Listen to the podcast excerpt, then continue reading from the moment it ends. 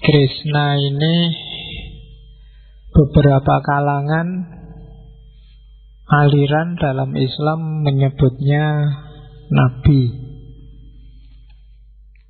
Yang jelas-jelas menyebut nabi misalnya Ahmadiyah. Ahmadiyah itu Mirza Ghulam Ahmad secara eksplisit menyebut bahwa Krishna itu adalah salah seorang dari nabi-nabinya Allah. Yang dulu saya bilang jumlahnya sekitar 124 ribu. Dan sangat mungkin tokoh-tokoh langit yang kita omongkan ini beberapa di antaranya adalah nabi-nabi. Dan Krishna kalau ikut satu kelompok lagi yang tidak diakui oleh Islam sebagai bagian dari Islam dan mendirikan agama sendiri Bahai. Bagi kelompok Bahai, Krishna ini juga nabi bahkan Krishna ini termasuk keturunannya masih punya garis genealogis yang nyambung sama Nabi Ibrahim. Bagi yang tertarik kajian Bahai nanti di salah satu kitabnya ada yang secara serius melacak genealogi nabi-nabi diawali dari Ibrahim. Tokoh-tokoh besar termasuk Zarathustra, Buddha itu nanti bisa dilacak sampai Ibrahim. Jadi Ibrahim itu punya istri kita kenalnya dua, tapi kalau dalam Bahai sebenarnya masih ada satu istri lagi. Kita kan kenalnya Hajar sama Sarah. Kalau bagi kelompok Bahai ada satu lagi yaitu Keturah. Saya tidak tahu Keturah ini aslinya mana, tapi dari namanya kok Rodo Mambu Jowo ya. Nek bahasa Arab kok tidak pernah ketemu Keturah, tapi namanya memang Keturah. Dari yang paling banyak nabinya dari jalurnya Sarah. Dari jalurnya Sarah ini nanti ada Yakub, ada Musa, Harun, Dawud, Sulaiman sampai Isa. Dari jalurnya Ismail nanti ada Muhammad, dari jalurnya Keturah nanti ada Zoroaster, ada Krishna, ada Buddha. Pertanggungjawabannya kayak gimana ya kamu teliti sendiri kalau tertarik. Kemarin kelihatannya ada buku baru tentang agama Bahai. Oke. Jadi malam ini kita ngomong keturunannya keturah yang namanya Krishna. Tapi dalam tradisi Hindu pasti tidak seperti itu silsilahnya. Mereka punya punya silsilah sendiri. Mungkin mungkin sebenarnya sama penyebutannya berbeda atau gimana saya tidak tahu. Bismillah, kita mulai Krishna ya. Krishna mungkin teman-teman kenalnya dari TV Mahabharata. Iya. Kalau zaman saya Mahabharatanya bukan yang versi terbaru itu, versi yang lama.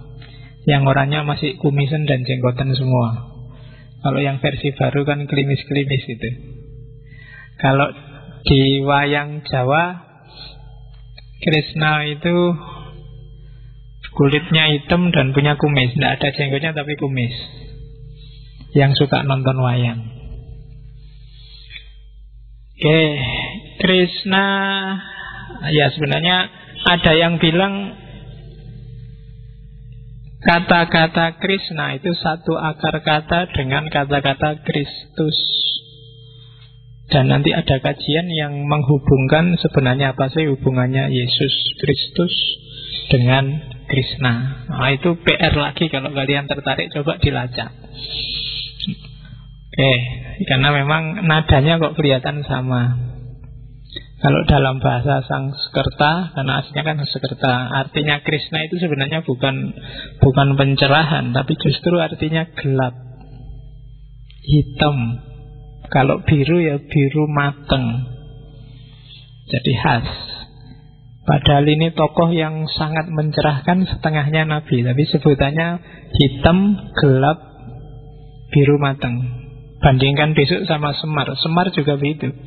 Semar itu artinya semacam maya, maya yang gelap, remeng-remeng. Itu ada filosofinya sendiri. Tapi Krishna memang dikenal kalau di India digambar kulitnya biru mateng. Mungkin ada yang juga nonton film kartun itu ya, kartun Krishna itu kan kulitnya biru mateng. Kalau wayang kulitnya hitam. Kecuali wayang Bali. Kalau wayang Bali Krishna itu kulitnya hijau. Ya tetap masing-masing punya filosofi sendiri-sendiri. Dan Krishna ini biasanya gambarannya persis kayak kalian lihat di Mahabharata.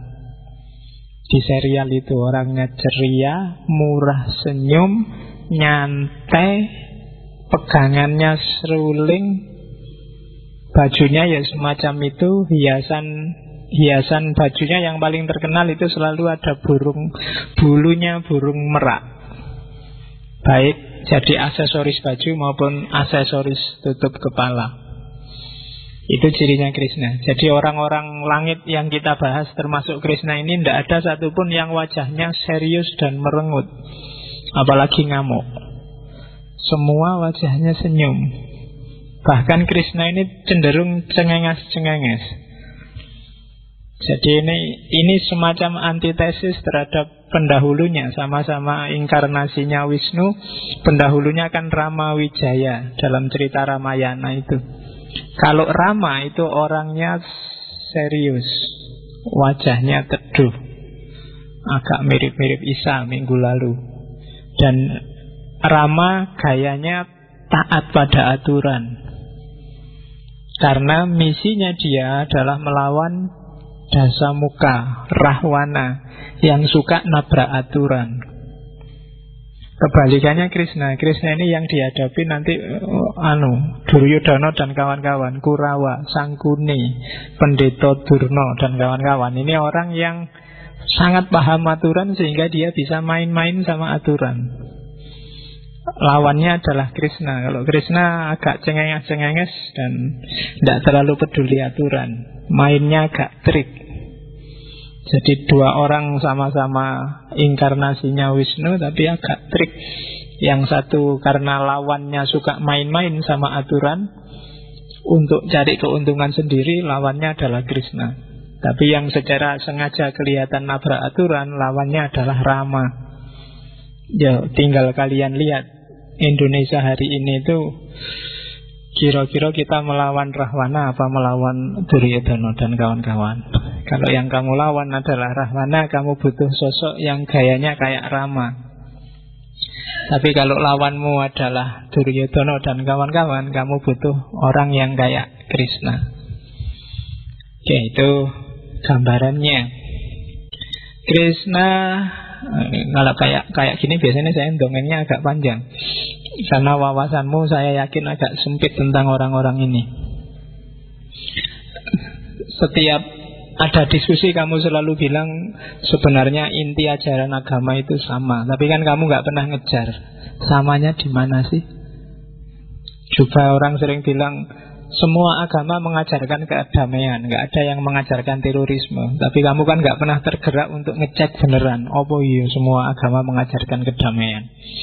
Maka momen-momen semacam ini kita manfaatkan untuk menjelajah ke sana, untuk menunjukkan bahwa ya mungkin sebenarnya inti ajaran agama itu ya mirip-mirip saja, hanya bungkusnya yang berbeda. Kalau kita bahas bungkus, nanti hasilnya mesti terus gegeran kontroversi. Maka saya tidak akan banyak ngomong bungkus. Oke, Krishna adalah avatarnya Wisnu. Avatar itu saya tidak tahu ilmu apa tentang avatar. Bayanganmu kan itu avatar eng itu atau Ya, gambarannya persis mungkin kalian nonton film Hollywood yang Avatar itu yang masuk kayak ke planet lain, dimensi lain. Gitu kan orangnya hanya masuk ke mesin tapi semacam jiwanya masuk ke sosok yang jadi avatarnya. Ya, yang kalian suka nonton film barat yang yang sosoknya biru-biru itu. Nah, Mungkin inspirasinya dari Krishna yang warnanya biru. Jadi av avatar itu semacam inkarnasi. Inkarnasi itu Wisnu masuk. Jadi Wisnu ini salah satu Trimurti yang dalam sejarah masuk ke banyak tokoh. Kalau orang Hindu percaya masuk sekitar 10. Krishna ini inkarnasi ke-8. Sebelum Krishna, ketujuh ada Rama. Dalam cerita Ramayana sebelumnya ada pendeta Panglima dasar yang tidak terkalahkan namanya Parasurama yang terkenal dengan senjata kapaknya. Nanti setelah Krishna, kalau bagi orang Hindu, Wisnu nitis lagi pada Buddha, dan nanti setelah Buddha nitis lagi pada tokoh namanya Kalki. Beda sama orang Jawa. Kalau orang Jawa titisannya Wisnu itu setelah Krishna itu nitis pada air langga Raja Kahuripan.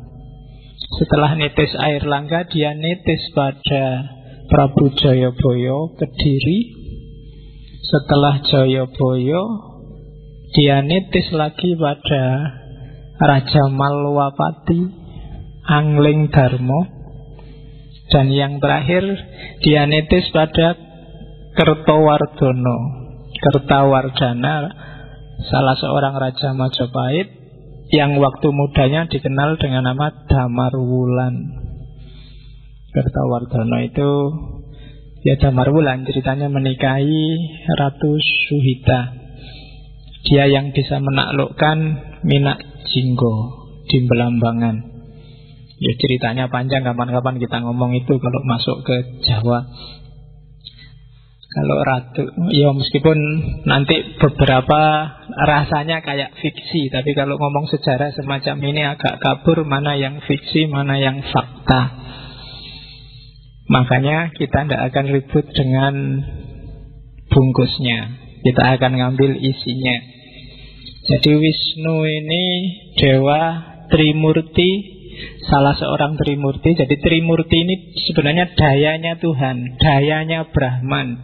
Jadi Tuhan ini punya tiga daya. Yang pertama daya mencipta yang namanya Brahma, yang kedua daya memelihara yang namanya Wisnu, dan yang ketiga daya melebur, menghancurkan yang namanya Siwa.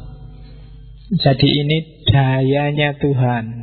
Meskipun kemudian dipersonkan jadi namanya dewa. Artinya Wisnu sendiri wis bukan wis NU loh ya, Wisnu wis NU bukan. Zaman dulu nek Guster kan itu. Jadi Wisnu itu vis itu artinya meliputi. Dapat akhiran nu. Jadi Visnu itu kalau dalam Al-Quran bahasanya mungkin muhid yang maha meliputi, dia ada di mana-mana. Itu Wisnu punya istri namanya Laksmi. Laksmi juga kalau Wisnu netes, dia ikut netes. Ketika Wisnu netes jadi Rama, ya dia netes jadi Sinta. Ketika netes jadi Krishna, dia netes jadi Rukmini, istrinya Krishna. Krishna ini istrinya jumlahnya 16 1108 Ya Jadi yang utama sebenarnya 8 Yang 16.100 ini perempuan-perempuan Yang diculik kalau dalam ceritanya Oleh Raja Raksasa namanya Norokasuro dia menculik perempuan sebanyak 16.100 Tawanannya perempuan semua yang jadi budaknya Terus dibebaskan oleh Krishna. Nah perempuan yang budak ini kan tidak ada harganya. Untuk menaikkan harganya oleh Krishna dikawini semua. Jadi istrinya yang asli 8 ditambah 16.100 16.001 saya tidak tahu gilirnya berapa puluh tahun sekali itu satu-satu Itu sempat disentuh semua apa enggak rasa dibayangke kowe siji ra entuk. Jadi Krishna usianya dari lahir sampai meninggal sekitar 125 tahun. Waktu perang Barata Yuda terjadi Umurnya sekitar 89 tahun Jadi sudah lumayan tua Meskipun kalau di film masih muda dan ganteng Tapi sebenarnya 89 tahun. Krishna itu lebih muda 2 tahun dibandingkan Yudhistira Pandawa yang paling tua. Berarti waktu perang Yudhistira umurnya 91 tahun. Ya lumayan lah. 125 itu kan masih mending daripada manusia hari ini. Manusia hari ini sampai 100 saja kan sudah luar biasa Dan perang Barata Yuda 36 tahun setelah perang Barata Yuda Krishna meninggal. Jadi usianya sekitar 125 tahun. Oke, untuk membawa misi ketuhanannya. Krishna bapaknya namanya Basudewa Vasudev. Makanya sering kalau dalam cerita-cerita dia dipanggil Vasudev Vasudewa Krishna. Ibunya namanya Dewaki. Ibunya ini yang anaknya raja di Matura Matura itu ini tak bawain petanya. Jadi itu India zaman Krishna Mahabharata. Jadi Mathura itu dekat sama Indraprasta. Indraprasta itu nanti yang jadi kerajaannya Pandawa setelah dia diusir. Kalau Hastinapura di situ, Kurusetra tempatnya perang itu di dekatnya situ. Mathura. Nanti Krishna ketika sudah dewasa bikin kerajaan sendiri namanya Dwarka. Dua raka. Yo, itu istilah-istilah silakan kalian cek. Tapi ini peta India zaman dulu. Kekuasaannya Hastinapura. Semacam negara federasi besar zaman dulu. Termasuk Jawa hari ini itu dulu bagi orang-orang India ya termasuk bagian dari kebesaran Hastinapura pada masa itu Mungkin bayangannya kayak Majapahit zaman dulu Yang bisa menaklukkan Nusantara Tapi Hastinapura jauh lebih luas dan tokoh Jawa yang dikenal menyumbangkan kekuatan dalam perang itu anaknya Bima Gadut Kaca. Gadut Kaca itu asli Jawa Kalau bagi orang Hastinapura Zaman itu. Cuma Gadut Kaca tidak ganteng karena raksasa Kalau versi India. Jadi tinggi, besar, gundul, jelek. Wong dia anaknya raksasa Jadi waktu Pandawa diusir 12 tahun itu antara lain dia mengembara sampai ke Jawa dan menikahi raksasa Bima ini melahirkan anak namanya Gadut Kaca. Ya kamu tonton sendiri filmnya ya, aku cerita tahu. Jadi dari kerajaan Matura nanti sepupunya ibunya Dewaki yang namanya Kamsa atau kalau di wayang Jawa namanya Kangsa inilah nanti yang jahat merebut kekuasaan dari pamannya Prabu Ugroseno dan memenjarakan Dewaki dan suaminya Basudeva dan karena ada ramalan dari anaknya Basudeva dan Dewaki inilah nanti akan lahir orang yang membunuh Kangsa. Meskipun demikian, meskipun di penjara, ini Basudeva sama Dewaki ini sempat melahirkan anak tujuh delapan jadi delapan kali melahirkan Yang ke delapan Krishna ini. Cuma tiap kali melahirkan Anaknya dibunuh.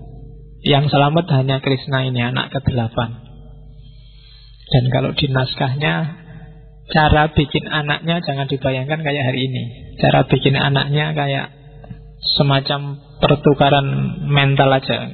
Perempuannya di depan dilihatin aja terus terus, terus jadi hamil. Karena dua-duanya sama-sama di di rantai di penjara, jadi nyenggol aja nggak bisa, cuma adep-adepan aja terus hamil jadi anak. Jadi hati-hati kamu kalau suka ngelirik cewek, jangan-jangan jadi. Oke. Okay.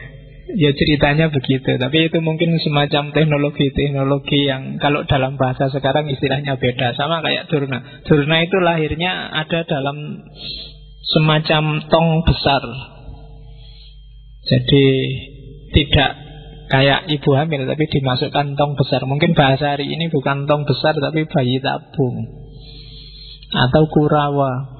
Kurawa itu kehamilan di luar kandungan yang bisa semacam rekayasa genetik. Jadi dari gen yang satu bisa lahir 100. Berarti orang zaman dulu sudah bisa cloning. Itu kan luar biasa ya Wong cuma dari daging kecil bisa jadi 100 anak Kan ceritanya begitu